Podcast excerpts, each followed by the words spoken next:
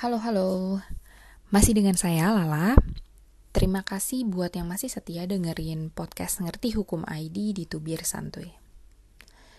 Tidak dapat dipungkiri lagi ya, eh, COVID-19 ini tuh telah banyak memberikan perubahan pada hidup kita, termasuk pada saat melakukan perjalanan dengan pesawat. Seperti pengalamanku beberapa waktu yang lalu nih.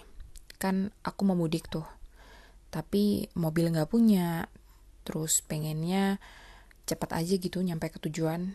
Secara udah lama banget kan gak mudik gara-gara kebijakan yang berubah-ubah saat pandemi ini. Malah curhat kan. Oke balik lagi ke topik. Gimana sih bepergian menggunakan pesawat saat pandemi ini?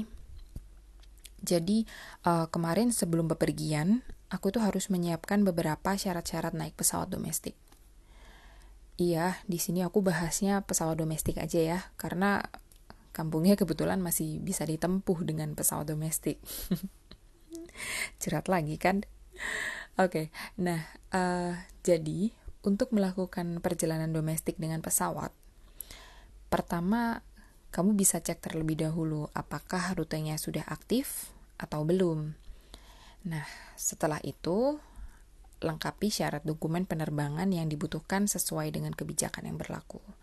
Jadi kalau menurut pengalamanku kemarin nih, uh, syarat dokumen yang dibutuhkan adalah surat keterangan bebas COVID-19 berupa hasil tes swab PCR atau rapid test antigen. Nah, pastikan juga surat yang kamu punya ini masih berlaku ya. Karena menurut surat edaran Satgas COVID-19, nomor 7 tahun 2021, tes COVID yang wajib ditujukan saat naik pesawat mulai tanggal 9 Februari 2021 ini untuk wilayah Bali itu tes swab PCR-nya hanya berlaku dua kali 24 jam setelah tes atau rapid test antigennya itu uh, berlaku satu kali 24 jam sebelum keberangkatan. Hmm, sementara itu untuk Jawa dan daerah selain Bali, tes swab PCR ini berlaku 3 kali 24 jam atau rapid test antigen yang berlaku 2 kali 24 jam sebelum keberangkatan. Syarat dokumen yang satu ini nih wajib ya, kecuali untuk anak-anak yang berusia di bawah 5 tahun. Kemudian, dokumen lain yang harus disiapkan itu adalah dokumen berupa elektronik, yaitu kartu kewaspadaan kesehatan elektronik atau Health Alert Card atau yang bisa disingkat IHAC. Penumpang penerbangan ini diwajibkan mengisi IHAC ini sebagai syarat naik pesawat di masa pandemi. Nah, kartu ini bisa diisi melalui situs web maupun dengan mengunduh aplikasi di Android maupun Apple.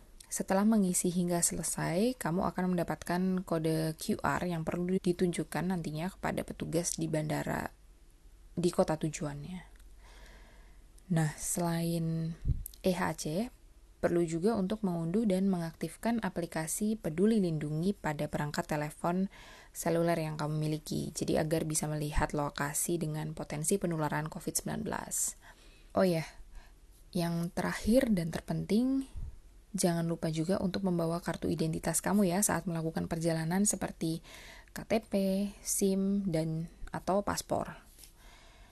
Nah, itu tadi dokumen-dokumen yang harus disiapkan untuk naik pesawat domestik.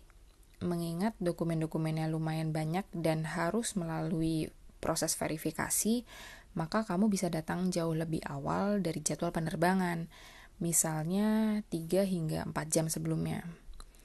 Dan bila kamu tidak memenuhi syarat penerbangan yang ada, jadi misalnya nggak bawa nih dokumen-dokumen uh, naik pesawat saat COVID-19 ini, pihak maskapai maupun bandara itu berhak melarang kamu untuk melakukan perjalanan.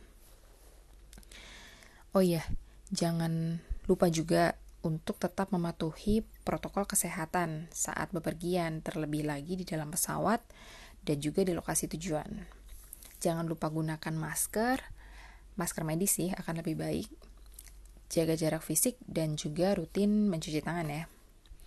Demikian pengalaman bepergianku dengan pesawat saat pandemi. Nah, sebagai catatan, syarat-syarat yang aku ceritakan tadi mungkin sewaktu-waktu bisa berubah sesuai dengan kebijakan yang berlaku. Semoga bermanfaat ya. Sekian tubir satu kali ini. Jangan lupa kunjungi kami di ngertihukum.id dan juga ikuti kami terus di media sosial Twitter, Instagram, fanpage, LinkedIn, dan juga TikTok. Oh ya, ada lagi satu, YouTube. di Ngerti Hukum ID.